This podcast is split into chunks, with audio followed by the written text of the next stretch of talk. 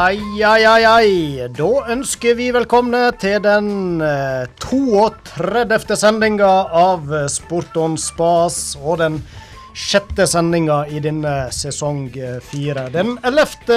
i 11. i dag, og for 102 år siden, karer, så var jo dette en gledens dag. Da tok eh, første verdenskrig eh, slutt. Jeg vet ikke, Er det en gledens dag for dere, Thomas og Frank? Absolutt. Nå har vi jo tilbake han Frank i studio. Velkommen. Et aldri så lite comeback uh, var vi enige om. Ja. Det er ikke mer skal til, vet du. Jeg Stå føler mer jeg har vært ute med skade. Stått over en kamp. Men du bidro jo litt da, fra innbytterbenken. Ja da, det var som jeg sa før sending her, at det ikke er råd å slippe unna. Nei, du hadde Men, et håp, men nei da. Vi ringde, vi. Vi ga ikke oss 20 ubesvarte anrop. Da tok du han. Gjest i egen sending. Ja da. Veldig kjekt. Ja, hvor det går med dere, da? Det har jo vært en eh, farsdag siden sist. Vi er jo alle tre fedre her, og har dere blitt sett pris på? Ja, det må jeg nå vel nesten si. Selv om jeg eh, jobber til seine kvelden på søndag, så eh, Jeg fikk god middag mandag, da. Ja, det hjelper det. Du da, Frank? Ble det Ja frokost på senga og Det, jeg eh, ser helst at jeg slipper det. Det blir så mye smuler. smuler i opp igjen? Ja. Ja. Så frokosten og kaffen tar vi rundt frokostbordet helst. Ja. Men å få tilbud om det er jo koselig, da. Mm. Eh, og det tror jeg jeg fikk. Og så Nei, det er alltid en eh, koselig dag, det. Blir sett eh, litt ekstra pris på. Og så blir det noe gaver og noe greier. Oi, oi, oi. Nei, men det høres så bra ut. Ja, du hadde helgevakt, Thomas, og Ja det er nå vel kjekt det når du får sysle med litt eh, sporterier. Så er vel du fornøyd med det? Ja ja, å gå ut på stadion, det er ikke noe bedre enn det. Det var vel både lørdag og søndag skal vi komme fram til etter hvert i lokalsporten. Så var det jo kamp, kamp, innspurt på sesongen. Ja da. Ja, ellers har det vært et val siden sist dag. Jeg vet ikke om vi skal kommentere det så mye. Der er nå en eh, kanalje borte i Det hvite hus og nekter å Ja. Han gir seg på det, men Han må vel gi seg til slutt, han òg. Men det er sånn med de som har eh, hjerne som en uh, streten toåring, så vil ikke de vil helst ikke gi fra seg noe de liker godt. Oh, ja, ja. Kanskje du skal ta og ringe han opp? Ja, kanskje var det vi skulle gjort. Ja, han eh, har sikkert ti- tida til det snart. Ja. Hvis han Ove kan hjelpe meg nå, slik at jeg hører meg sjøl på øra, så hadde det vært kjempefint. Nei da, vi skal ikke, jeg tror ikke vi skal gå så veldig djupt inn i det i valget i USA. Det kan hun få lov å styre på for seg sjøl. Men eh, ellers så har vi jo ei eh, innholdsrik eh, sending i dag, der vi skal selvfølgelig da innom litt eh, lokalsport. Både fotball og vi skal snakke volleyball. Det er jo ikke noe vi gjør eh, hver gang. Og eh, vi skal få kjekke gjester i studio. Han Oskar Guddal Breivik og faren han eh, Torstein. De eh, kommer her, og da er det jo skiskyting som er idretten vi skal snakke med dem om. Og så eh, var vi så fornøyde sist gang, Thomas. Vi hadde med en blodfan og fant ut at eh, når vi først har nå børsta litt støv av denne spalten igjen, så eh, flesker vi til igjen i dag òg. Vi flesker til, det er helt sikkert. Og uh, vi må jo takke han Frank for at han uh, Jeg håper jeg børsta støv av en uh, tidligere Stryne-spiller. Ja da, vi fikk med oss han Karl Ludvig da, som helst egentlig hadde lyst til å slippe, men jeg sa det at vi har omtrent ingen lyttere, så var han med likevel. Kjempegodt utgangspunkt. Nei da, han er en artig skrue, så det blir en eh, fin prat, tror jeg. Ja. Ja. Men jeg tenkte på det, navnet har jeg hørt før, men eh, hva epoke var det han eh, spilte på Stryn? Ja, nå spør du godt. Det var vel eh, rundt eh, midt på 90-tallet, vil jeg tro. Ja. Det, han, Karl Ludvig ble jo kjent med en del stryninger da han var student i Sogndal. Han kommer jo fra Austrheim i Nord-Hordaland. ja. Eller vet ikke hva det heter lenger. jeg. Nede i Londi. ja.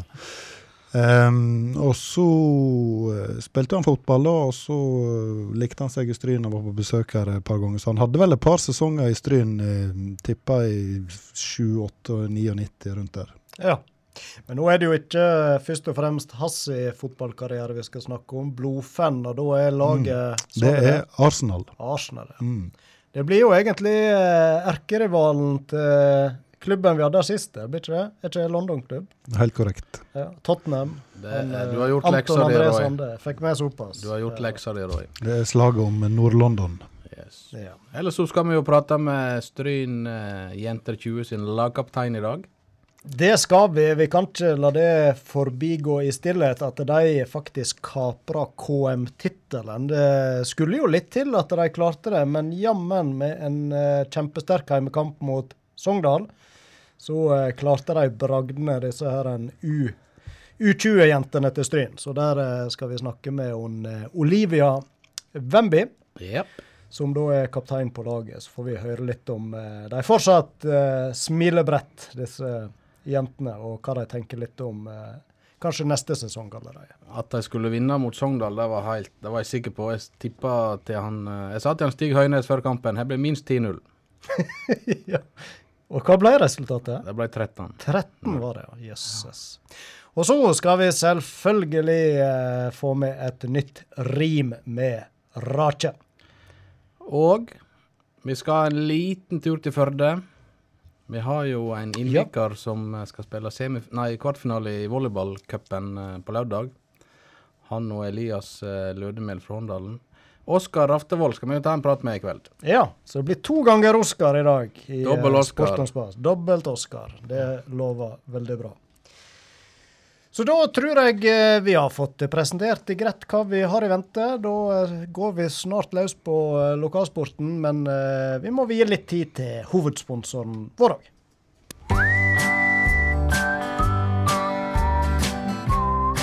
Banan er banan og butikk er butikk, det har nå jeg alltid meint. Ja, helt til jeg fikk nå øynene opp for bananer som André Oppheim hadde så nær sagt. Nei, men altså inn på butikken der, du får så mye annet med på kjøpet. Det er så ryddig, og det er så flott, og det er så reint. Og der ser en jo at han er, han er godt opplært av mora. Ja, det er ikke mye hybelkaniner som flyter rundt omkring. Nei, jeg driver nå ikke dyrebutikk heller, bruker han å si. han er så artig, han André, veit du. Men han har så mange andre rasende kjekke folk som jobber der òg. Ja, både norske som svenske. Smørblid og alt i hop. Eller smørgosser, som de, som de sier på svensk, eller hva det heter. Ja, så er det noe voldsomt greit å parkere der òg, og det setter nå mange min pris på, for da veit han at han får bilen like hele heim igjen.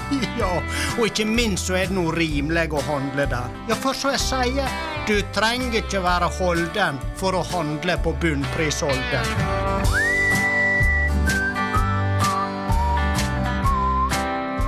Bunnprisholden er stolt sponsor av Sport om spas på Radio Stryn. Lokalsportrunden. En runde for meg som liker lokalsport.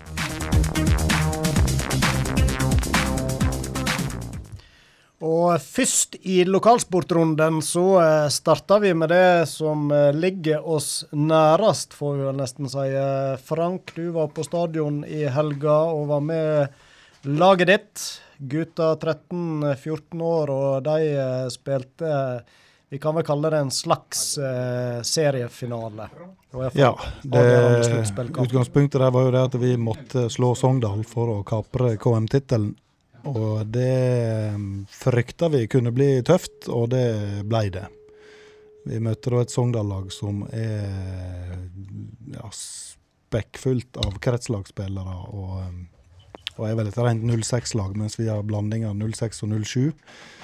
Og det ble for tøft. Så de var rett og slett uh, bedre enn oss. Men vi fikk heldigvis en redusering helt på tampen som gjorde at vi kneip uh, andreplassen foran Førde. Mm. Ja, jeg tenk, ja. Så den skåringa hadde betydning for uh...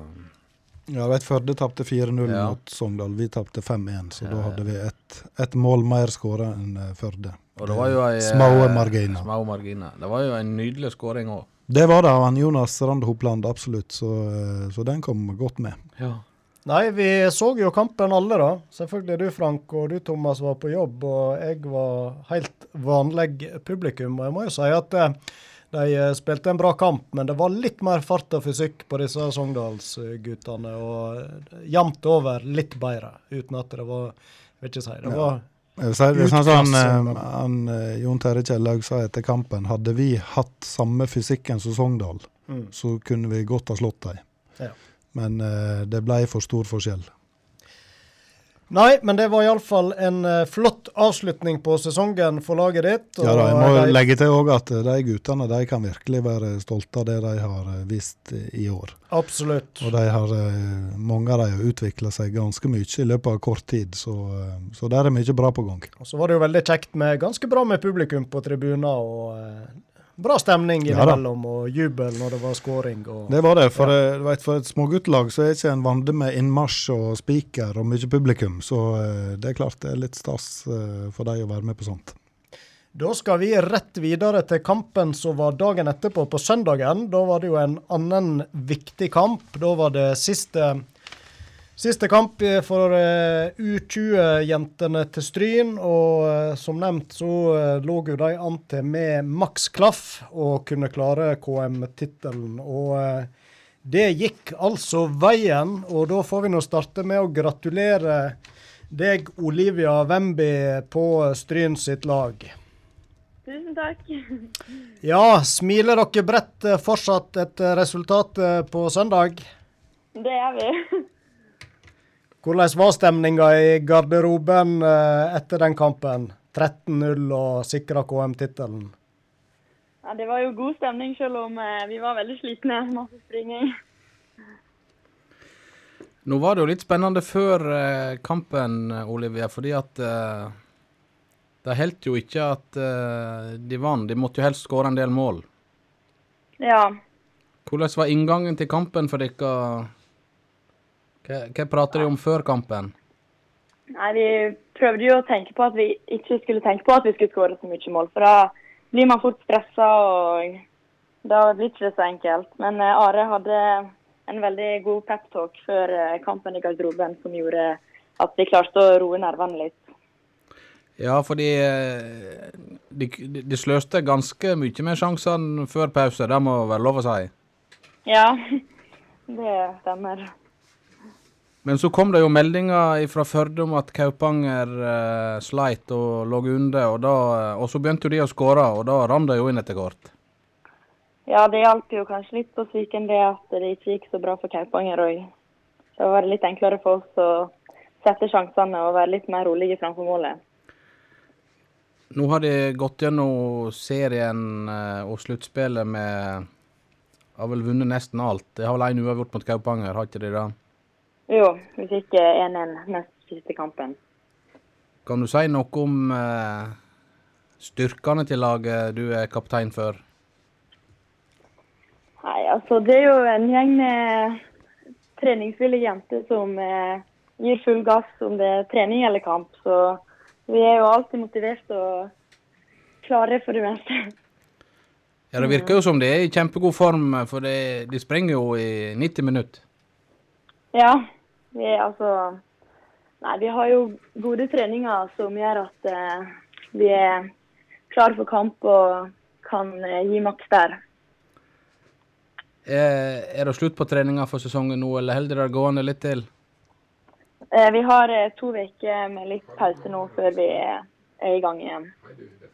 Og da er det forhåpentligvis seniorfotball da til neste sesong? Ja, jeg håper jo på det, da. Men det blir vel stort sett eh, ganske det samme laget, bare vi får med noen av de som var over 20 som måtte se på kampene fra sidelinja i år. Ja, nå er vel de fleste fortsatt eh, på videregående, så da eh, er det noe i, i lag i hvert fall én sesong til, da. Ja. Du Olivia, du går i andre klasse på videregående nå? Mm. Ja. Hvordan tenker du videre? Er det å bli værende i Stryn iallfall til, til videregående ferdig? Og har du planer videre, tenker fotballen? Nei, for min del så har jeg eh, Jeg liker meg eh, på Stryn og har lyst til å spille her. Gjøre det så best som mulig i klubben her. Mm. Så det er ikke umiddelbare planer om å følge etter disse jentene som reist til Bergen og prøve lykka der?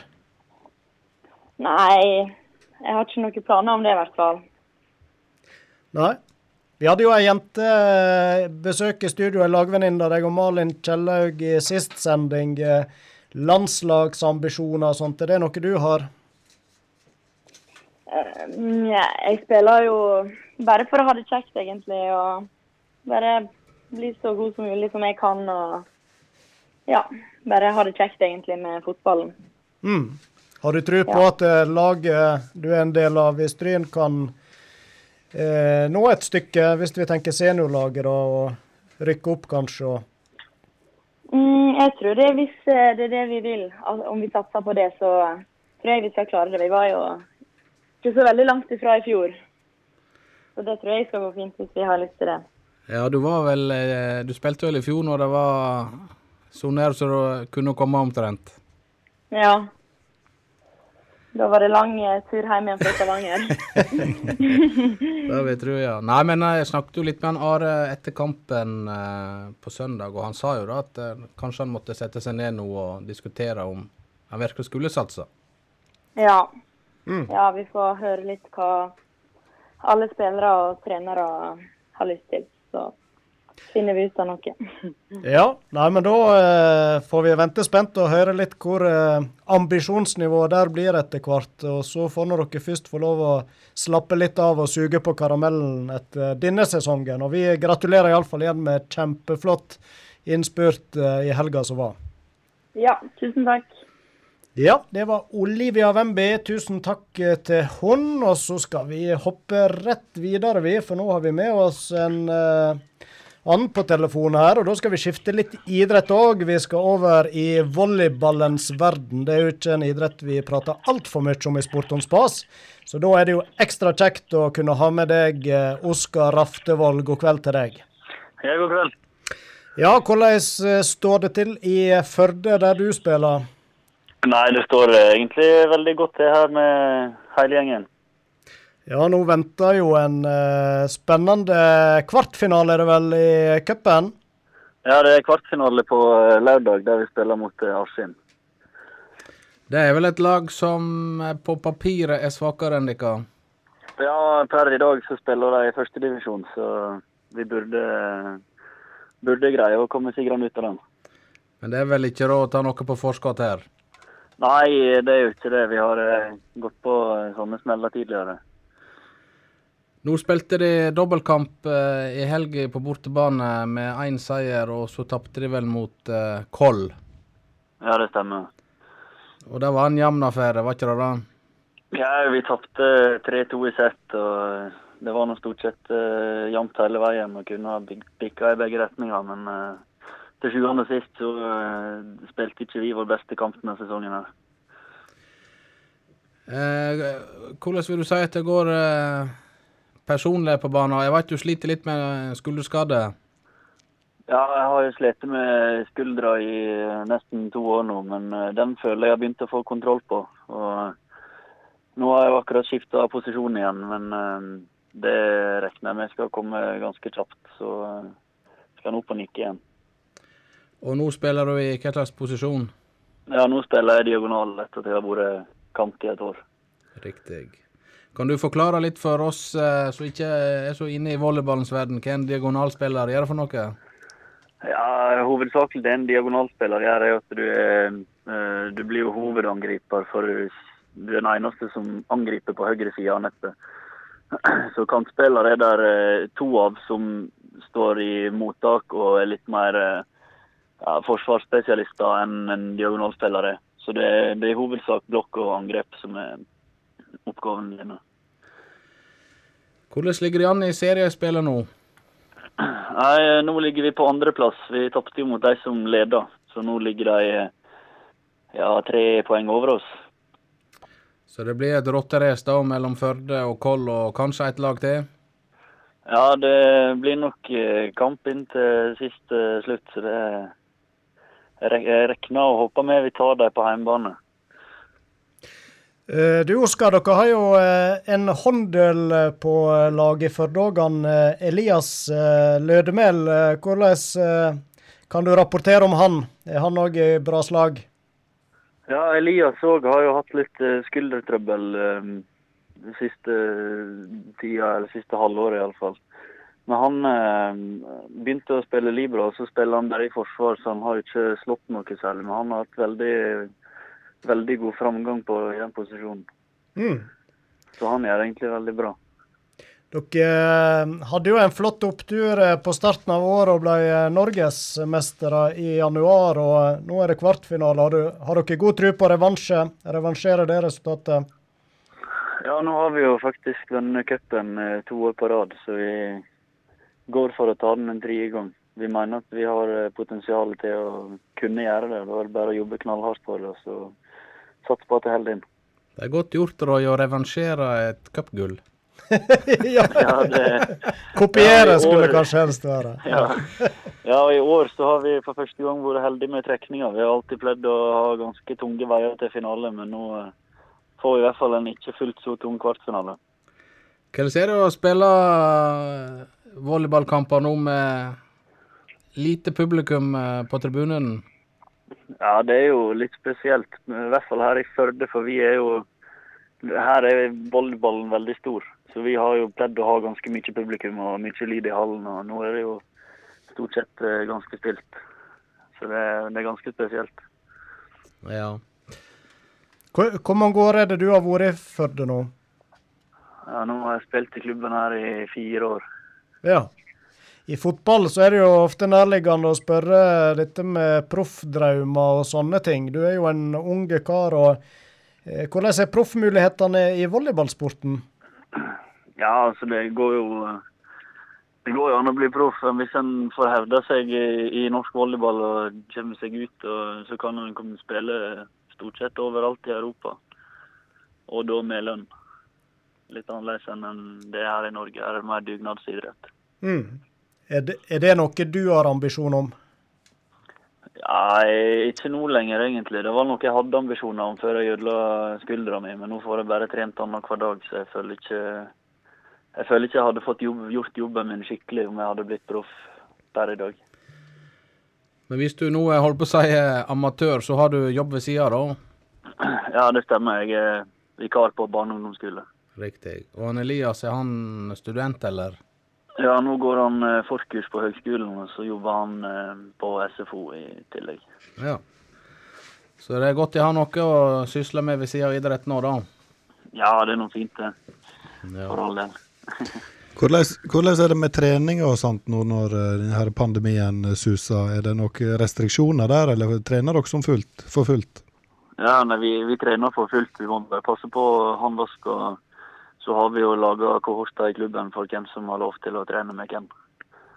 Ja, så der er, der er ganske tydelige regler dere må følge da, for å, for å få det til.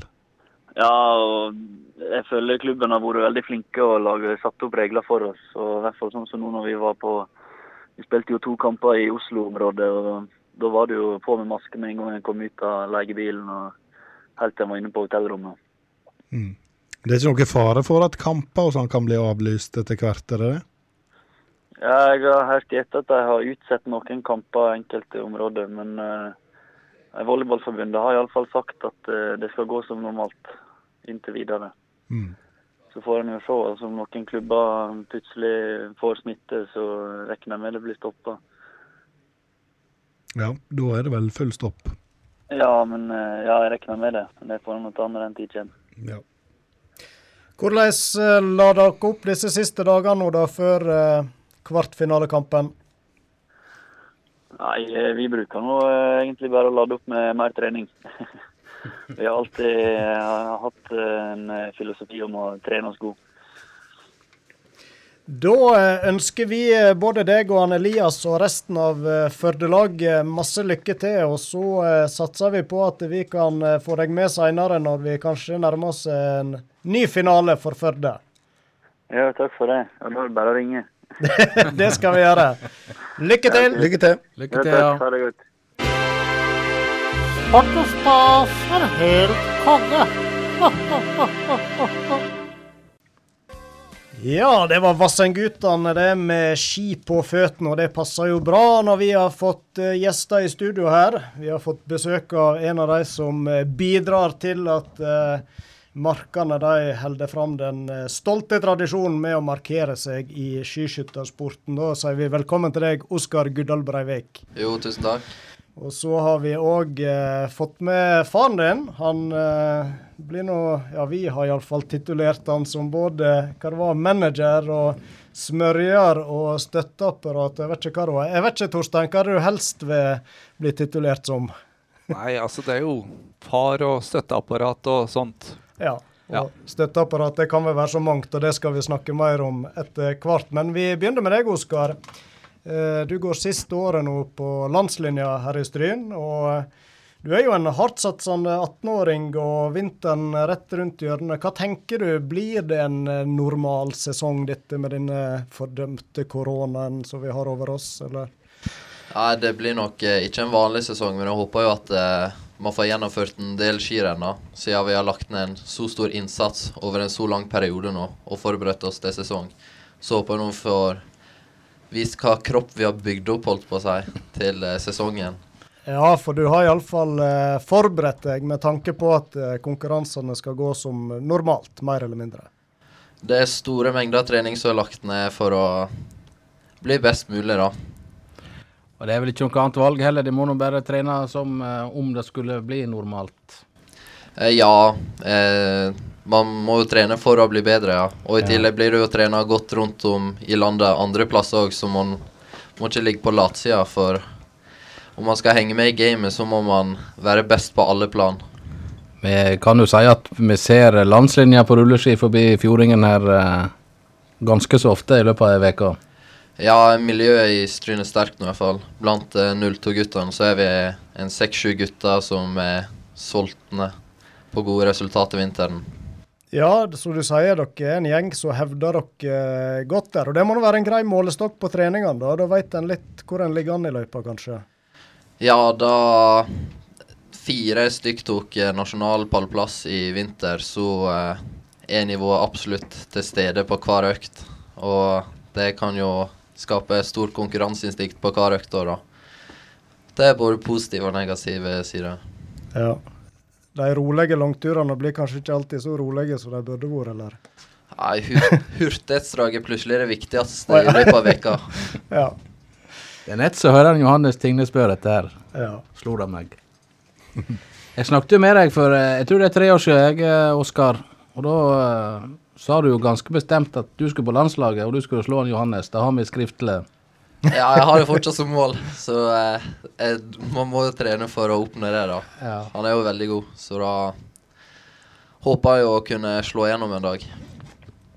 Du har jo gjort veldig mange gode konkurranseoppgjør og prøvd å så eh, søke litt i tidligere ting vi har skrevet om i avisa. Og du har jo et eh, gull vel fra hovedlandsrennet for tre år tilbake. Og så har du jo flere topplasseringer både i Norgescup og senest i vinter hadde du jo en femteplass veldig sterkt i eh, junior-NM. Hvor fornøyd var du med den? Ja, femteplass i NM er fint, det, men eh, da du er tre sekunder unna medalje, så er det litt bittert der og da. Men eh, da jeg tok med meg min første pallplass i Norgescup denne vinteren, og var en, på en måte en comeback-sesong etter kneskaden min, så ser jeg jo lyst på framtida, egentlig. Da jeg egentlig bare blir bedre og bedre for Mm. hver dag som går. Ja, du nevner kneskade, Oskar. Kan ikke du fortelle litt eh, hva som skjedde da? Nei, det var november, da. Før eh, menns 17-sesongen. Skulle reise meg opp fra matta da vi hadde enkeltskuddkonkurranse. Da Da var det høyt eh, konkurranseinstinkt til stede.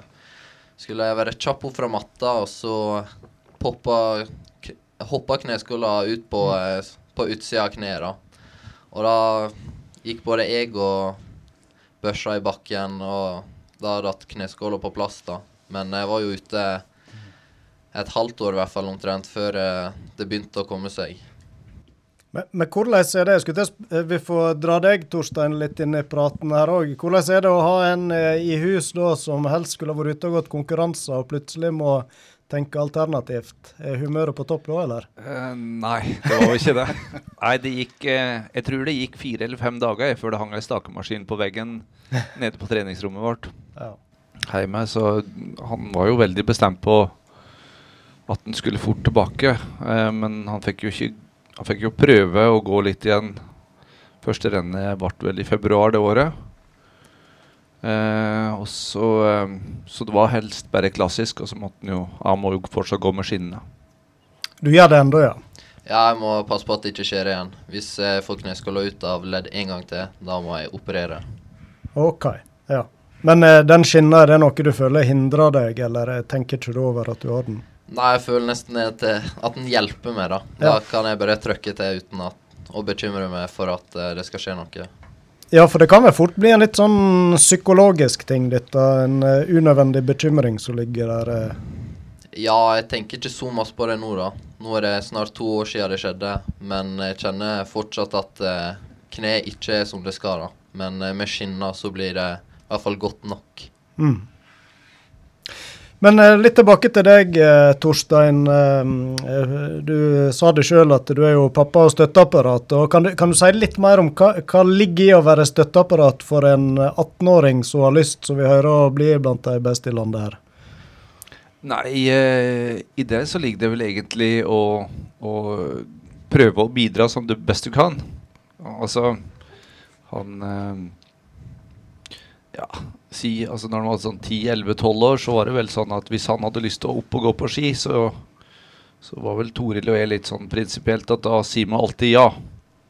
Altså uansett om det regner eller snør eller eh, dritvær, så sier du ja. Da Ja. blir du med å gå på ski. Ehm, og så ja, var det jo å prøve å bidra litt når han ble større med litt sånn treningsplaner og sånt, men det, ja, det har det ikke vært de siste to åra, da. For at nå har de oppfølging på skolen og Mm. laga egne planer osv. Så, videre. så det er jo litt sånn passe på at utstyret er i orden og sånne ting. Ja, og det baller vel bare på seg. Det er vel en grei skipark etter hvert, kanskje, i garasjen. Ja, den, eh, den er jo grei. ja, litt å passe på der. Men eh, har du noe bakgrunn fra idrett sjøl? Nei, ikke på noe sånt nivå. Nei. Jeg- Men har du drevet ski eller skiskyting? Nei, jeg, nei jeg, jeg, jeg gikk jo idrettslinje på videregående, eh, så sto på ski, da. Ja. Eh, men jeg skal ikke skryte på meg noe mer. Men du er god til å få gli på skia, da, Ja, kanskje? det, det drev vel med egentlig fra jeg var sånn 13 år eller noe sånt, på hobbyrommet hjemme. Ja. Strykejern osv. fra den tida. Så fant ut Det var vel i 7. klasse den gang som hadde niårig grunnskole. Så i 7. klasse da hadde vi sånn brevkurs, heter det. Ja. For deg som husker det. I skismøring? Eh, ja, og, da, og da, da tok jeg et sånt um, Jeg var ferdig med et eller annet brevkurs i mekking av moped eller et eller annet Oh, ja. sånt, og så tenkte jeg ok, ok, ja, skismøring, ja, det kan jeg ta. Tok et brevkurs i dag. Det liksom eh, Det var Da leste du det opp og liksom fant ut en del sånne grunnprinsipp, og de, de gjelder fortsatt, de. Mm. Jeg, Oskar, da må jeg nesten spørre deg. eh, Er det noe du skryter av? At faren din har brevkurs i skismøring? Nei. Så lenge jeg sklir fra konkurrentene, så er jeg fornøyd. ja. Du vet, på 80-tallet kunne du ha brevkurs i det meste. Ja, han var vel litt mer vanlig da. Men, ja. men er han, gjør han en god jobb, syns du? Ja, jeg eh, vet ikke at noen andre skal smøre skia mine enn han. Så jeg har vært fornøyd. eh, Så lenge han har stått i smørbua og gnukka, så har jeg egentlig vært fornøyd. Mm. For jeg har hatt gode ski helt siden jeg starta på å gå på ski, egentlig. Mm. Så det betyr du syns det er greit å ha med han eh, pappa med rundt, landet rundt på skirenn òg, da? Det må han vel da hvis han skal ordne skia dine? Ja, jeg syns det er fint å ha med pappa. Han smører, og han bare drikker beltet til start, og privatsjåfør. Yes, ja. Så da er det det meste på plass da han er med. Men er det sånn, Torstein, at eh, da har du ansvaret holdt på å si for uh, sønnen din, eller har du flere som du uh, smører ski for? For det er kanskje ikke alle som har med seg foreldre? Nei, altså Når vi er på nasjonalarenaen, eh, altså Norgescup og ja, før i verden hovedlandsrenn osv., så, eh, så er det jo sånn at jeg har vært i, eh, i bua, som man kan kalle det. Altså ansvarlig for smøreteam, da. Ja. Eh, så da har vi jo I år så blir det vel en ja, mellom 25 og 30 løpere. Så da er vi flere personer som står der, da, og så har vi et tog, og så er vi ute og tester både på ja, produkt og strukturer og osv. Hvordan ble det nå i vinter? Er det fluor? Er det lov likevel, eller? Ja, fra, fra junior, altså um, på norgescupnivå oppover, så er det fluor ett år til. Mm. Eh, til og med 16 år så er det jo da fluorfritt, sånn som det ble innført for et par år siden. Så det er liksom skillet går på junior, altså de som da har mulighet for å in konkurrere internasjonalt. Er du begynt å eksperimentere litt med alternativer som jeg ser eh, Swix og andre begynner å komme med, for å være forberedt den dagen? På fluorfritt? Ja. Uh, ja, jeg har hatt med noen timer med å eh, begynne å lage det. Brevkurs. ja, jeg skal jo ikke kalle det det, men eh, jeg, På internett. Ja, jeg, jeg, jeg kjenner de som har kjenner godt de som har testa mest på det her i Norge Mm. de siste par åra, som har begynt å lage til noen matriser og se litt på ja, både produkt og behandlingsmetoder. Det ser lovende ut, eller? Eh, det skal være Det var jo litt sånn kaos til å begynne med, men når du på en måte får organisert det, så tror jeg at det skal være overkommelig. Mm. Så må jeg spørre òg, når dere er rundt på renn, hvor eh, engasjert blir du da? Til tross for eh, oppgaver du skal utføre. Er du ute i løypa og heier og følger opp der òg? Altså, det er jo alltid sånn at de er jeg jo ute og går i puljer. Mm. Altså, så eh, når da Oskars i pulje ute og går, så, så står jo ikke jeg inne og smører ski eller osv. Altså, da tar vi jo, den her halvtimen eller timen med fri. Ja. Og så eh, er jeg ute og ser på, og eh, da er det jo lett at du står bak standplass eller noe sånt, da, sånn at du kan følge med på skytinga. Så står du jo gjerne og skriker litt og sier hvordan det går, i hvert fall mot slutten. Heia litt. Kjenner du igjen stemma som regel når han Det kan hende jeg må hysje på han før jeg skal inn på standplass og skyte. Oi, ja, du Men uh, Stramt blikk før du går inn ja, på måtte I fjor på Lygna måtte jeg hysje på han før jeg skulle inn og skyte siste skyting. Men uh, vi pleier hjemme å si at det er like mye hans hobby som min hobby. Ja. Generelt med skiskyting. Men uh, jeg syns det er artig at folk er engasjert ute i løypa. Det blir jo en ekstra boost. Veldig kult hvis du kommer inn på standplass og tar hysj-tegnet til publikum før du eh, fyrer av. Ja, hadde det bare vært et publikum og ikke faren min. Ja, ja. Ja. Men eh, det må da være fint, da, både for deg, Torstein og Oskar, å ha en sånn eh, felles ting dere kan eh, begge engasjert i, tenker jeg. Ja, altså, jeg syns jo at det er kjekt, da.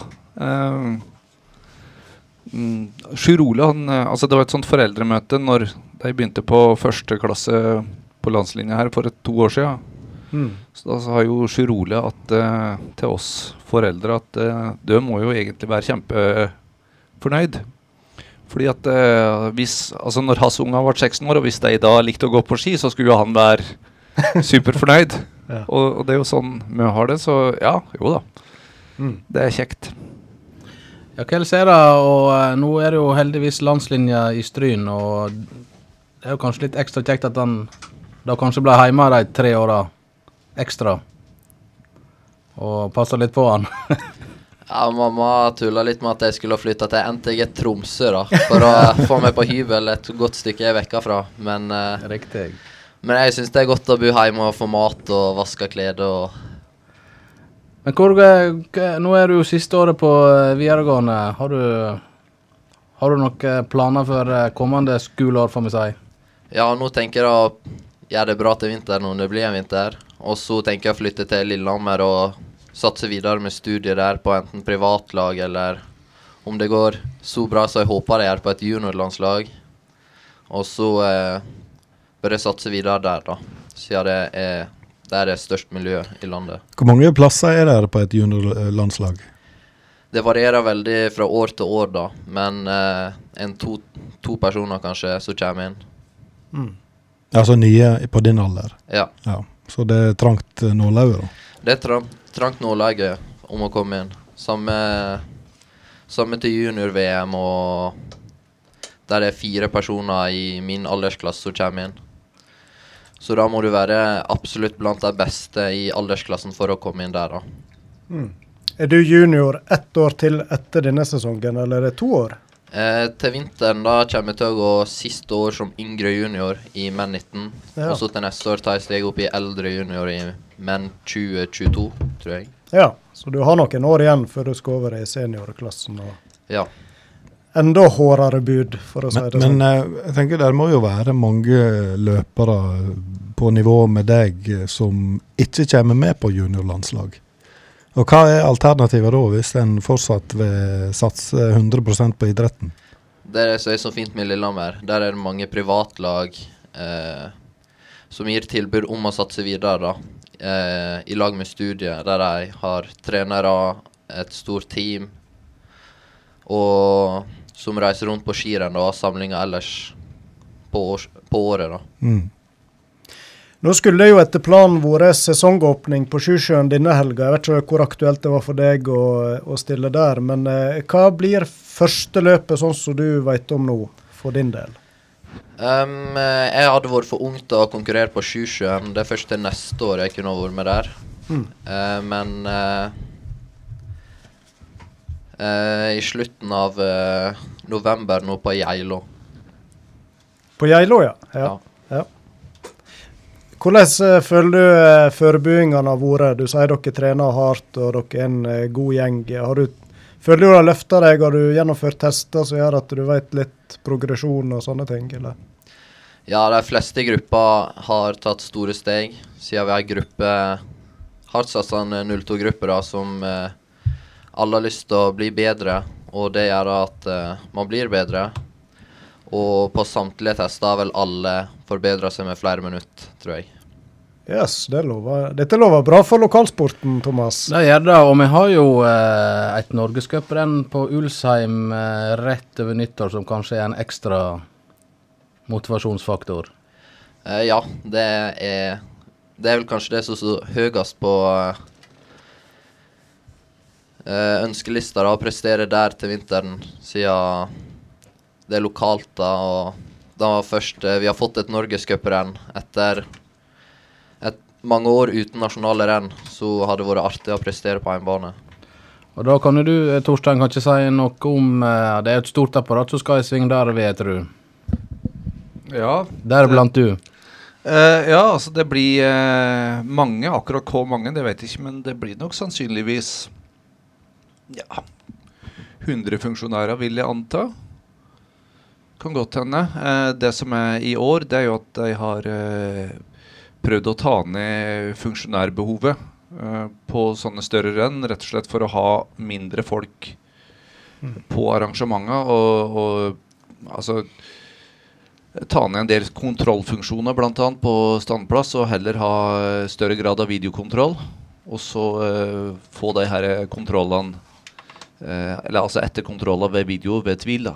Mm. Av korona? Ja. Mm. Eh, blant annet. Eh, det er det ene. Det andre var jo at det er jo mange renn som i utgangspunktet på terminlista var satt opp som lørdags- og søndagsrenn. For da henholdsvis eh, yngre, eldre junior og senior.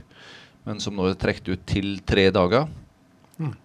Der, eh, der eh, eh, eldre junior og senior går eh, fredag og lørdag, mens eh, Nei, unnskyld. Senior starta fredagen, og så har eh, alle tre grupper, kan du si, på lørdagen. Og så er det to grupper igjen på, på søndagen. Mm.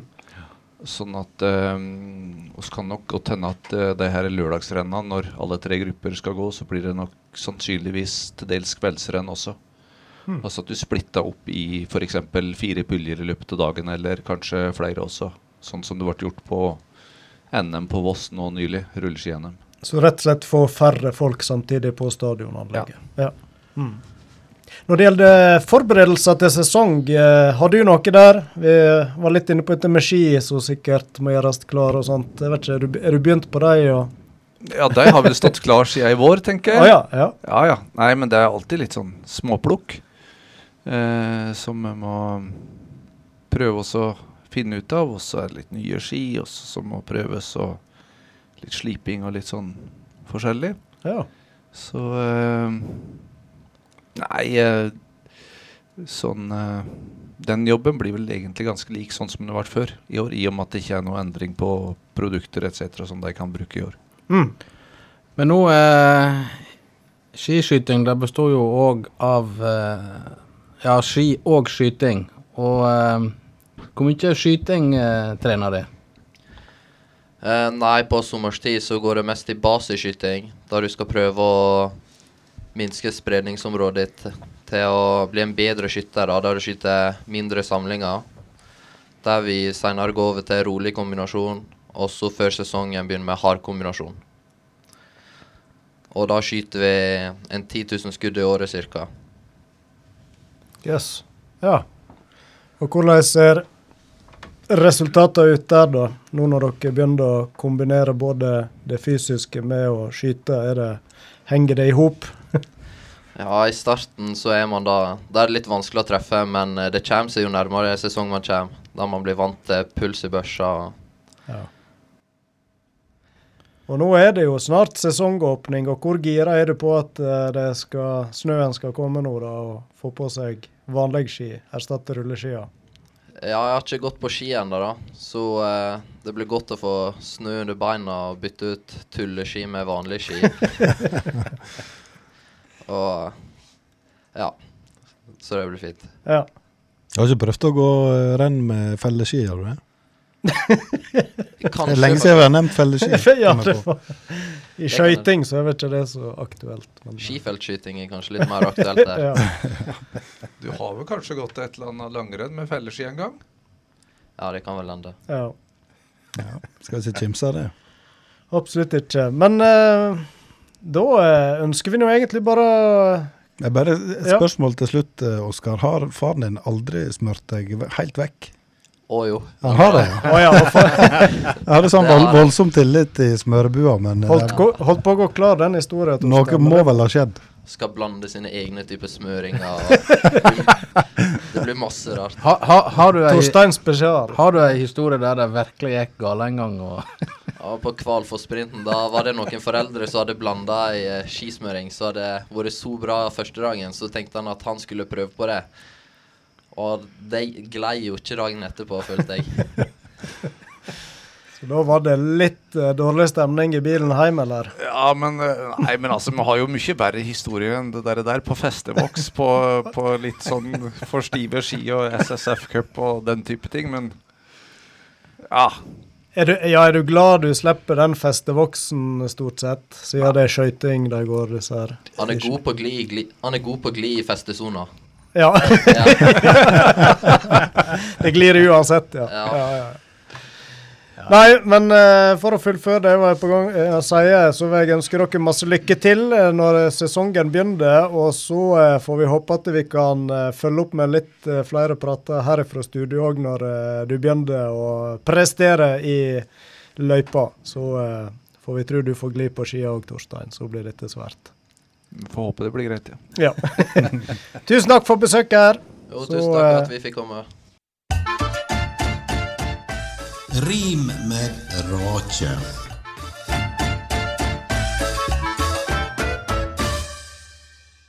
Stortipparen. Blafrande blått fjernsynslys. Fine papir. Pling. Hvite knoker kring blå kopier. Det kan alltid snu seg. Pling. Samankrølla tippekuponger, vi var då inne på det. Pling. Finne fram privaten. Er det noe håp, da? Pling. Høgt oppe på ei hylle har han et lad nye, glatte, gode kuponger.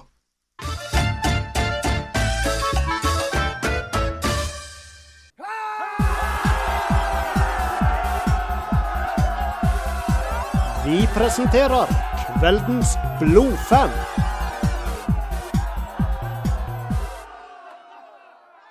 Da er vi kommet til eh, en eh, spalte som vi etter hvert har børsta støv av igjen. Og eh, det føler jeg òg vi har gjort med gjesten vi har med oss i dag. Eh, god kveld, Karl Ludvig. God kveld, Frank Hoel. Går det fint med deg? Ja, det går bra med meg. Eh, nå tapte jo Arsenal, eh, som er ditt lag, 3-0 mot eh, Aston Villa i forrige kamp. Nå hører jeg litt dårlig her. eh. Jeg regner med du er jo en ivrig eh, fantasy-spiller òg. Det ble vel ikke mye poeng den runden heller. Nei, eh, det er stabilt, eh, veldig stabilt. eh, eh, Stabilt dårlig. Ja. Det er jo mange som kjenner deg ifra eh, Du hadde vel, var det to sesonger i Stryn på eh, rundt midten av 90-tallet? Eh, Ja, to, eh, kom opp igjen, så det var to og et halvt år. To og et halvt år. ja. Tidlig Og etter det 2000 det... var første sesongen, tror jeg. Når var det? 2000-sesongen var første. Ja, det var første, ja. Litt seinere enn jeg husker. Men um, den seinere tid så har jo du vært fast uh, inventar på, eh, på oktoberfesten. Så du er jo eh, flink å holde kontakt med, med Strynebygda. Ja da.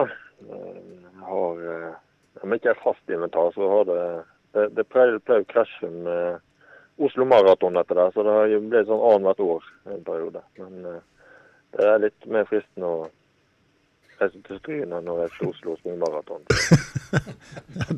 Det forstår iallfall jeg veldig godt. Oktoberfesten kan jo være en maraton i seg sjøl.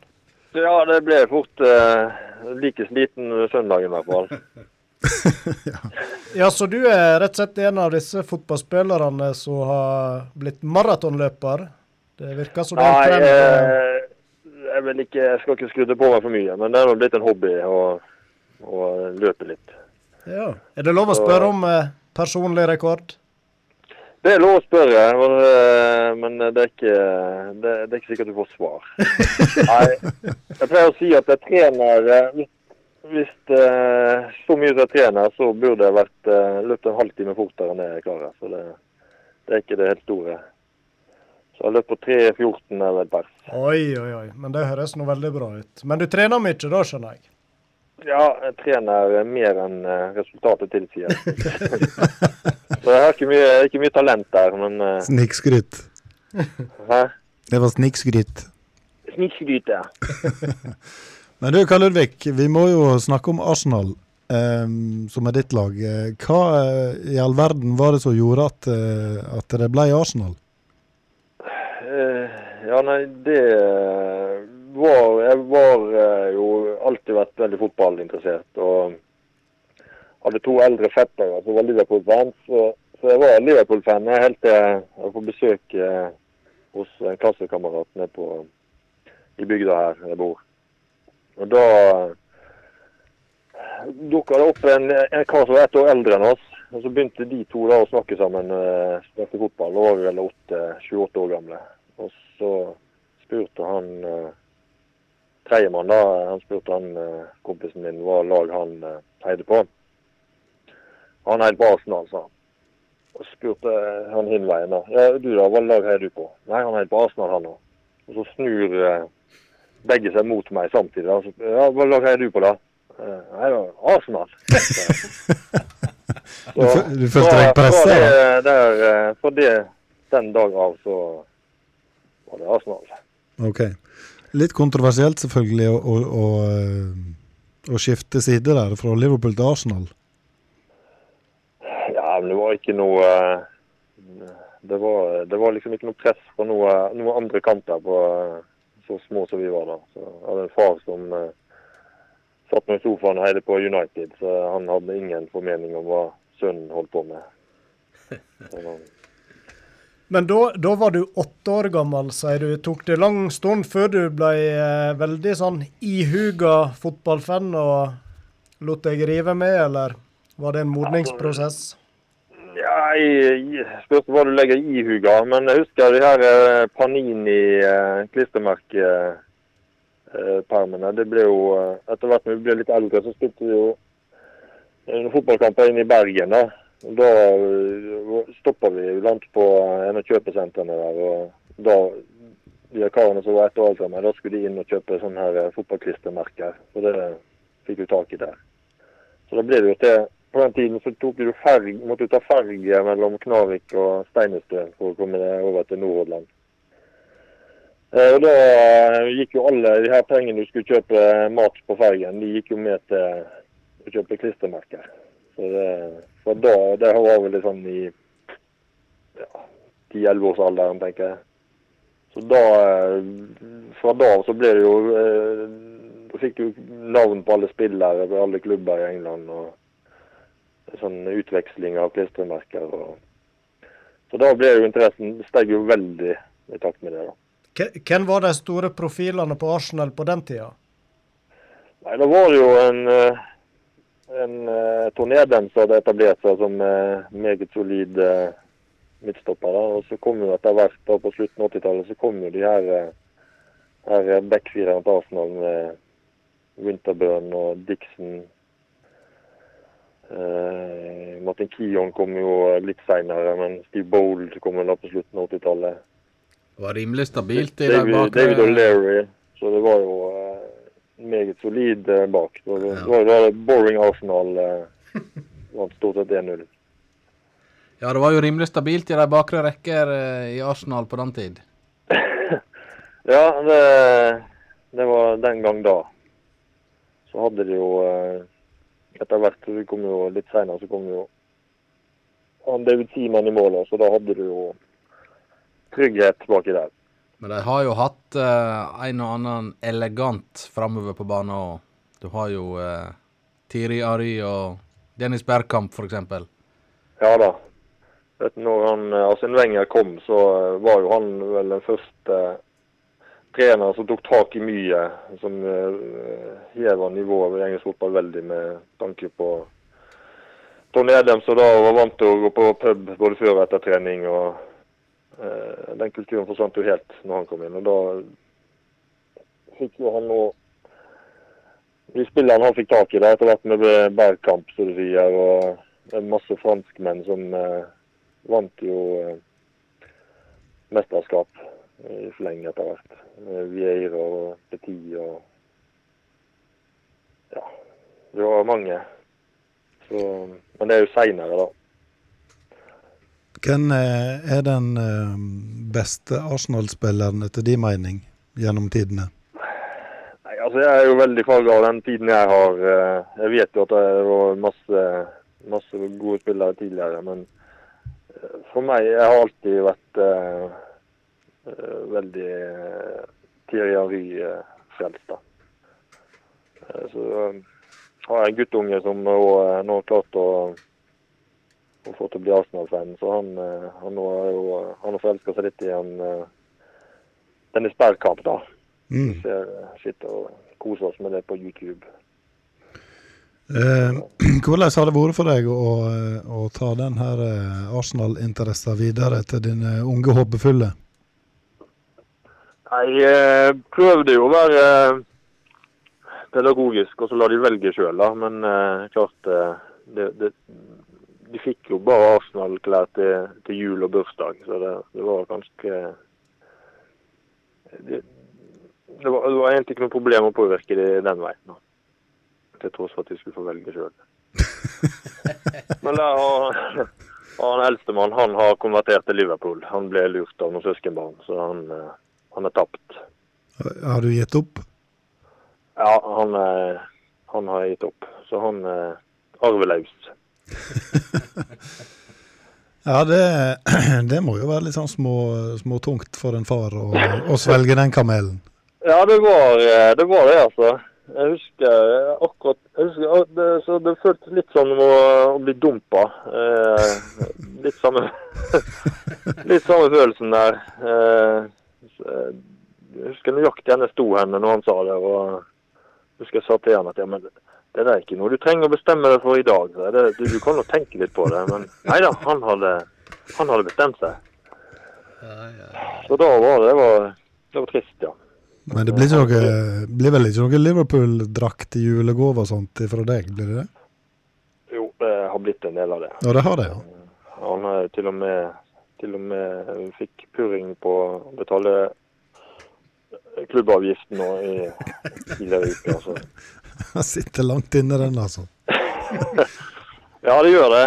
Det gjør det, altså. Men nei, nå har han blitt så stor at han, det er vel ingen vei tilbake. Men eh, litt om eh, dagens Arsenal. Eh, det er jo en Miquel Arteta kom jo inn som manager i fjor, sist sesong. Ja. Hva er det du tenker rundt det? Nei, han, han var jo inne i eh, det, Jeg trodde jo lenge at han skulle bli manager da, da eh, når de gjorde skiftet etter Wenger. Så eh, ble det jo ikke sånn. De fikk eh, plukke opp han innluringen fra Spanien. Men uh, Jeg jeg er ikke kjempeoverbevist, altså. Eh, Det er tydelig at han prøver å ta med seg en del ting som eh, de har gjort på i City. Og det her med Du sitter jo med hjertet i halsen når du sitter og ser på dem når de skal spille seg ut bakifra. Det er jo veldig vakkert å se på når det går, men eh, de har jo produsert mye mer sjanser for motstanderne så langt enn for seg sjøl, med den måten de spiller fotball på. Og eh, de sliter jo med å skåre mål, Arsenal nå, da. Til tross for at de har eh, enormt eh, sterk angrepsrekke. Du kan ha han eh, PP på, på benken så mye som han sitter. Så eh, overbetalt spiller. Så sier du litt om hva skyts de har. Så jeg er ikke eh, overbevist om uh, være Teta så langt. Men han må få tid.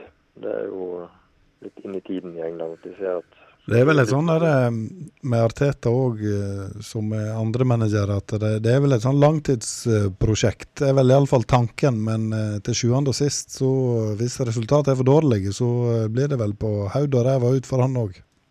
Ja, det er akkurat det. Så um, han burde ja, Det er jo tidlig i sesongen ennå, men eh, jeg syns flere av de her eh, som eh, har lyst til å være i topp seks, jeg syns flere av de er jo eh, bedre eh, Altså, de sliter med å styre kamper. Du ser United gjør det. Arsenal gjør det. Du så Aston Villa nå er jo det er ikke et topp seks-lag, men vanvittig bra lag når, når motstanderen skal styre kampen. Og det er jo egentlig Arsenal er jo egentlig et sånt lag òg. Det er jo et enormt kontringssterkt lag når, når de får bryte, ligge lavt og bryte motstanderne. Men når de sjøl skal styre kamper på, på hjemmebane, så sliter de. I, eh, ja. Det er tungt å se på. Tungt å se på, ja. Men eh, hva tror du Sjanser tror du Arsenal har i, i denne sesongen her? Nei, det skjer nå eh, Det er jo eh, åpnere. Det er en som hun her eh, som er med i, eh, i TV 2-studio der, hun, så hun hadde sagt på en blogg at det her var litt sånn parallellsesong til den når Leicester vant. At uh, dette er sesongen der uh, underdogger har kjangs faktisk til å stikke av med noe. Nå har Liverpool nå har de, fikk de Gomez langtidsskada og så leste jeg et sted. Så uh, klart, det, de kommer ikke til å cruise gjennom eh, Premier League sånn som de gjorde i fjor. City ser, eh, ser ikke bra ut, syns jeg. Og Chelsea-Tottenham veldig ustabile. Så jeg tror, det, jeg tror det blir avgitt mye poeng. Jeg tror vinnerlaget i år i Premier League har eh, ja, Hva hadde Liverpool i fjor? Var de rundt 100? Ja, det var 99. like under, ja. Ja. Jeg tipper vinneren i år den er, den er langt under 90 poeng. Og Da er det åpent. Det er mange som kan være oppi der. Og så er jo det et håp om at Arsenal skal være en av de fire, da. Men eh, det ser ikke akkurat sånn ut per i dag. Nei, det ser litt sånn ustabilt ut. Nå har Liverpool hatt ei bra rekke med, med trepoengere, men eh, det er litt sånn på hogg og belegg for deres del òg. Og, og som du sier, så har de omtrent ikke midtstoppere igjen. Ja. Så eh, der kan jo komme en del poengtap etter hvert. Og så har du klubber som, klubber som eh, Villa og Southampton og Leicester som blander seg inn i toppen. der Everton var oppe og snusa på det en stund. Så eh, ja, det er mye som kan skje den denne sesongen her, hvis de får fullføre den i det hele tatt. Ja, det er jo sant. Men jeg har ikke noe tro på altså, eh, Villa, eh, Everton. Det altså, det er lag som kan, de kan slå alle, men de eh, avgir for mye poeng jevnt og trutt. Leicester eh, virker mye hvassere, da. De eh, skal ikke, skal ikke Det er ikke noe kjempebombe om de er med helt til the bitter end i år, tror jeg. En ting som eh, for så vidt ikke bare handler om Arsenal, det er dette her med VAR som er diskutert opp og i mente. Og har du noen meninger om eh, bruken av VAR? alle har vel meninger om eh, VAR, ikke det? Men eh, Nei, jeg syns det altså, eh, Offsiden syns jeg det, det er greit. Der, må en eh, fysisk sette en grense et sted. Og da er det offside, så er det offside. Det, der er var eh, Selv om det er forferdelig bittert hvis det er en finger som er innenfor, men eh, den syns jeg den, den er fair. Den er rettferdig for alle. Men eh, var sånn som det er blitt brukt med tanke på straffespark. eh, og det, Du aner jo ikke. Eh, Så treffer ballen en arm inn i feltet, så det virker som verken spillere, dommer eller publikum har peiling på hva følgene blir. Det, der var Der har de mislykkes kraftig, syns jeg. Det er blitt et dommerne har blitt feige. De stoler på at eh, VAR skal kunne gå inn og korrigere det hvis de gjør store feil. Og så resulterer det da i, som vi har sett mange ganger, at situasjoner som egentlig dommeren ikke blåser på, så mener eh, VAR at ikke det er noe opplagt feil, og så eh, får det gå. Da, da har de jo helt bomma på meningen med hele VAR, tenker jeg da. Ja, og så er det jo eh, sånn at eh, når laget ditt skårer, så eh, kan du kanskje bli litt avventende, fordi at eh, det kan jo være et eller annet som eh, VAR har fanget Ja. opp som ikke vi har fått med oss. Ja da, du sitter alltid med Du, du, du holder liksom en jubel nå. Eh, til liksom avsparker godt, da kan du plutselig lettere ut. Så eh, Nei, jeg, jeg, syns det var eh, det, det, det, det bra greie at det er kommet, men eh, det, ikke, det ikke, fungerer ikke optimalt. Det gjør det ikke. Men Karl, litt tilbake til, til Arsenal. Har du, eh, har du fått vært over til eh, England og sett dem? Nei, jeg har ikke det. Det, var, eh, det sier jo litt om at eh, at jeg er ikke nok blodfan. Jeg har vært på én kamp i England hele mitt liv, og det var på Ellen Road. Og så eh, Leeds mot Hull i eh, championship. Det, that's it. Nå, Så, nå våkner teknikeren her, for han er Le- Leeds-supporter. ja, men han, eh, han har mye å, mye å være fornøyd med, han om dagen. Men det er ikke så mange som sett på Hull, da. Nei, nei, det kan du si. Det var jo det er Yorkshire Derby, det der, så det var jo faktisk eh, veldig, veldig gøy å være, være med på. Ja, vi har tenkt eh, Når guttene blir eldre, så, eh, så har jeg lyst til å reise bort med de. Men da er jo igjen han ene Liverpool-fan, så det blir jo litt komplisert. Ja da, han, eh, vi sa til han at ja, men da kan jo ikke du være med, du, da. Når vi har minstemann skal på kamp. Jo, men det var Vi kunne jo bare reise og se Liverpool Arsenal, så mente han det var ingen problem. Nei, hadde jeg vært deg, så ville jeg heller sett Arsenal-Liverpool, da. På Ja, det, blir, det er jo selvfølgelig eh, Det er jo Det blir ikke aktuelt å reise til Liverpool, for å si det sånn. Ja, men det, det syns jeg at eh, hvis sønnen har tatt det valget og ikke heier på det laget som faren heier på, så må han ta den støyten. Det tenker jeg jo. Altså, det er en konsekvens, konsekvens en eh, seksåring bør eh, Det bør han tenke gjennom før han bestemmer seg. det, der, det der var et valg han eh, valgte å gjøre som seksåring. Da, da får han jaggu stå for det. det okay. Det har han fått klar beskjed om. Men Nei, det har han ikke, men den får han. Eh, Ja. komme til å få. Men Karl Ludvig, du er inne på du er kanskje ikke hardbarka blodfan, mener du. Men uh, du lar deg likevel engasjere litt, regner jeg med, når du følger med på kampene. Ja, det gjør jeg. Det, det blir, eh, blir eh, mye utbrudd og Særlig nå når det har gått Jeg har jo noen slektninger som er Liverpool-fans. og eh, har jo hatt besøk under eh, Arsenal-Liverpool-kamper og Liverpool-Arsenal-kamper. og da har blitt sånn at de har egentlig mest lyst til å gå hjem igjen, de her eh, som er på besøk. da. Så, Men, men Tottenham-supportere de får kanskje ikke slippe inn? Det er det lite av. Eh, Det er jo de her som begynte å følge med når Erik Thorstvedt spilte der. Så det- Jeg er ikke plagd, jeg er ikke plagd med, med mye Tottenham-fans. Men eh, jeg har, eh, jeg har egentlig eh, Selv om jeg er programforpliktet til å mislike Tottenham sterkest, så, så har jeg hatt mange, mange vonde år med Manchester United. Så de, det er nok det som er erkefienden i, i, i mitt hode, i hvert fall. Eller i min verden. Men er det sånn eh, når du ser kamp at uh, fruen helst eh, tar seg en tur ut, eller, uh, eller kan hun være i nærheten? Ja, ja, hun kan være i nærheten, men hun er, var jo uh, Hun er ekstremt lite sportsinteressert, så det Så hun har Ja, hun forsvinner stort sett med en gang hun setter på sport.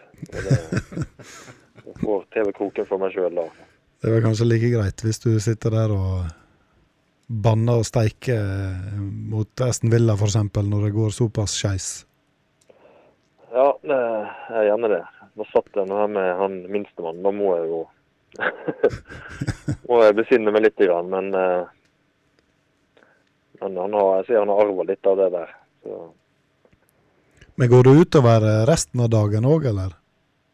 Ja, jeg kjente det at uh, i hvert fall det her Villa-tapet, det var Da var jeg Det var eh, tungt mandagen da. Jeg jobber som lærer, så da har jeg jo elevene vet jo veldig godt hva de skal pirke borti når, eh, når de kommer på skolen. Klarer du å holde det igjen da, eller? Nei da, da blir det fram med spanskrøret og Lekseprøve. Det blir veldig mye lekseprøve, ja. Eh, differensiert sådan. De som, eh, de som holder kjeft, de slipper unna. Er ikke spøk å være din elev. Men eh, forstår jeg det rett, da? At eh, når det er kamp, så er det overstyret det er det meste i helgene? Det har første prioritet? Ja, jeg jeg er fotballtrener til guttene mine, og vi har jo, eh, for å få kabalen til å gå opp, så har, eh, eh, så har de en trening søndag ettermiddag. Og det krasjer jo eh, litt for ofte med, med kamper, da. Særlig når han ene er Liverpool-fan og vi to andre er Arsenal-fan. Det blir mange avlyste treninger, da, altså? Det blir mye flytting til frustrasjon for eh, en del foreldre. Så blir de treningene de blir eh, sjonglert litt rundt etter hvert. Så, eller etter hva, hva klokken fem-kampen er, da. Så eh, ja, det, det er kanskje ikke førstepri her i livet, men eh, ikke veldig langt unna. Nei, men dette her eh, var jo eh, trivelig, Karl Ludvig. Og det blir jo eh, kjekt å se deg i Stryn igjen. Vi får satse på Oktoberfest 2021. Ja, det Hva, hva tror du kommer først, å reise bort og se en Arsenal-kamp eller Oktoberfest igjen i Stryn? Nei, det blir nok Oktoberfest. Eh, jeg tror ikke jeg drar med meg eh, Han minstemann, han er ti år gammel. Litt så, Sånn som eh, Europa ser ut nå, så tror jeg vi kuler han litt før vi reiser over til England med det. Ja, Det ligger vel ikke til rette for det i nærmeste framtid. Ta han heller med på Oktoberfest, ja. Men du Ta han Inn på bakrommet til han Endrebø. Han eh, kan få stå i pop med popkornmaskin på Endrebø, tenker jeg. Så går han en god skole der. Ja. Men du har jo, eh, før vi avrunder, Karl, så har du jo eh, selvfølgelig mange kjentfolk i bygda. Er det noen eh, Jeg vet du er veldig glad i å sende hilsener på radio. Er det noen du har lyst til å sende ei hilsing til? I Stryn? Ja. Ja, nei, altså da er det jo naturlig å hilse til han Frank Hoel, men det er jo helt fullstendig bortkasta. Så det, så det dropper vi. Han hører ikke på Nei, du, nevnte, du nevnte jo familien eh, på Bø, eller eh, familien Bø. De, de eh, vil jeg jo gjerne hilse til. Både, både den ene og den andre, andre generasjonen der. Så har jeg jo eh, bodd eh, Når jeg spilte fotball i Stryn, så måtte jeg bo litt rundt omkring. Så jeg har jo foreldrene oppe på Hol må jeg jo sende hilsen til. Og oppe på i Oppstryn var jeg jo en del. Oppe hos Kjellaugene. Så der eh, Der fortjener jeg ei hilsing. Og, og i Håndal nå. Jeg vet ikke om, eh, om de har dekning helt ut i Det er blitt feil fylke det nå etter hvert. Å ja, dette her eh, går utover hele Håndalsbygda. Hele, hele Håndalsbygda. Ja, da får vi hilse opp til Hoien til, til eh, han Nils Haugen og familie. Perfekt. Nei, men Karl, Perfekt. Jeg eh, takker deg hjertelig eh, for, å, for at du stilte opp i dag. Og så går det rykte om at vi, selv om jeg sa vi ikke har noen lyttere, at det er i ferd med å bli en ny lytterrekord i kveld. Fordi at, eh, kanskje fordi at du stilte på. Ja, det regner jeg med. Det må i så fall være det derfor. Nei, men Det er godt, Karl. Da ønsker vi deg en eh, strålende kveld eh, videre. Og eh, kanskje han ene sønnen din kan bli Arsenal-fan en dag likevel. Hvis du er heldig. Ja, det spørs det. Det spørs. Nei, det var kjekt å prate med dere. Nå får du ha en god kveld. I likeså, Karl. Ha det godt. Ha det bra. Hei, hei. Ha det, ja.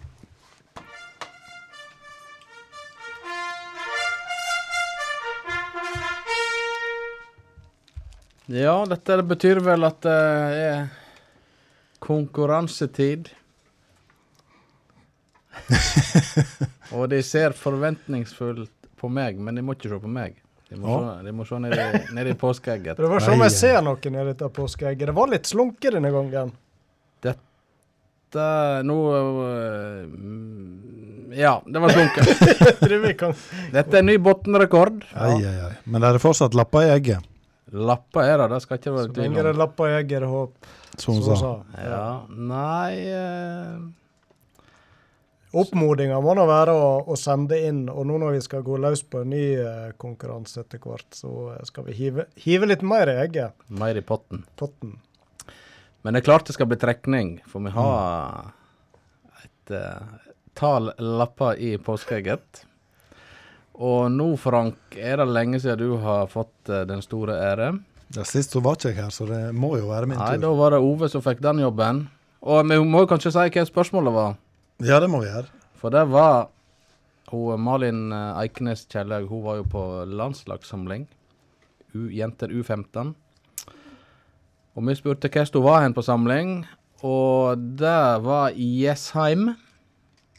Ja. Hvor Jessheim ligger da? Det ligger vel Ja, det blir vel Innlandet, da. Ja, Det ligger vel eh, Nærme Gardermoen, Ikke så langt fra Gardermoen, ja. Ja. På andre sida i seksen der. Det kommer ikke an. Harald Vartdal eh, bruker eller være en del på Jessheim. Nå ble jeg brått litt i tvil om det Nei, var Viken eller Jessheim. Nei, eh, Innlandet. Det er ikke så nøye. Det var der hun var. Kan det være at det var en, eh, et litt vanskelig spørsmål? Det var en liten sånn detalj som kanskje en kunne overhøre i farten. Ikke det mest eh, interessante kanskje i den praten, akkurat hvor han var på samling, nei. Men det var iallfall noen som beit seg eh, merke i det. Jeg prøver bare å, å finne en grunn til at det var litt, eh, litt eh, lite lappareget. Litt lappareget. Ja. Det kan være mulig. Det har jeg ikke tenkt på, men uh... Vi har uansett en vinner, og Vi Frank sitter vinner. klar. Og vinneren er Robert Inge Svoren. ja, vi, skal, Oi, ja, vi skal vestover. Vi skal vestover. Vi har noen gjengangere, som sagt. Og han Svoren han eh, har nå sendt inn før. Det har han, men jeg husker ikke hvilken størrelse han har på skjorta, så han får sende oss en melding på Messenger, og så skal du få eh, tilsendt skjorta òg. Perfekt. Perfekt. Den er så godt, så, vei, så godt som på vei. Den er allerede lagt i posthylla til han eh, Ove Årskog. Nytt spørsmål. Ja. Vi hadde Oskar Raftevold på tråden. Volleyballspilleren. Som eh, Han skal jo spille kortfinale, som jeg nevnte på lørdag. Hva slags klubb spiller han eh, Oskar Raftevold på? Volleyballklubb på fem bokstaver. Høres nesten ut som et kryssord. Ja. Men det er ikke det. Det er ikke det. Tre konsonanter og to vokaler, hvis det skulle være et hint. Og denne gangen, i tillegg til vår eh, eksklusive lyseblå T-skjorte, så eh, har han Ove André han har sagt at vi skal hive på litt ekstra i premiepotten denne gangen. Og eh, det var et eh, lodd i Stryn fotballs store lotteri denne høsten. Og det har jo en viss verdi. Og i tillegg til at du selvfølgelig kan vinne flotte premier, så er jo det litt sånn eh, rabatter du får tilgang på Mm. når du kjøper dette loddet. Så der kan du gjøre gode handler på forskjellige butikker i Stryn sentrum. Så den hiver vi i premiepotten lag med T-skjorta. Så bare send inn. Så lytter vi minner om radiobingo Radio Bingo i morgen. Tusenlappene flagrer der, går rykte om. Og så må vi òg minne om Kulturnatt som nærmer seg. Ja. Og da skjer det veldig mye i radioen her. Det gjør det. Da er det både quiz, og det er nattrock, og det er utdeling av pingpongklubben sine midler. Dette her det blir ei uh, Og der må vel en melde seg på quizen, må ikke en det? Ja, det må en. Her nikker han Ove André. Så da eh, oppfordrer vi til det. Ja. Så dette blir nattradio aldeles før de gir seg i radiostryn på eh, fredagskvelden natta. Så der er bare å tune inn. Nå er klokka straks 22, Roy, og du må ta øyedråpene dine. Det er det. Alarmen har ikke gått ennå, så da eh, ligger vi greit i rute. Da takker vi for oss her i studio. Først må vi takke gjestene vi hadde med. Vi starta jo med en eh, kjekk prat med hun eh, Olivia Voldsnes Wemby, før vi hadde en prat med han Oskar Raftevold. Vi fortsatte med hovedgjestene våre Oskar Guddal Breivik og pappa Torstein Breivik. Før vi avslutta da med blodfan, Arsenal-supporteren han Carl Ludvig da. I studio, tekniker Ove André Årskog. Mitt navn det er Roy Aron Brennvik Myklebust. Ved min venstre side. Thomas Brennvik Taule Myklebust. Og ved i høyre side. Apropos alarmen går, Jan Eggum. Ai, ai, ai, ai, ai, ai, ai, ai, ai, ai, ai. Hei, hei.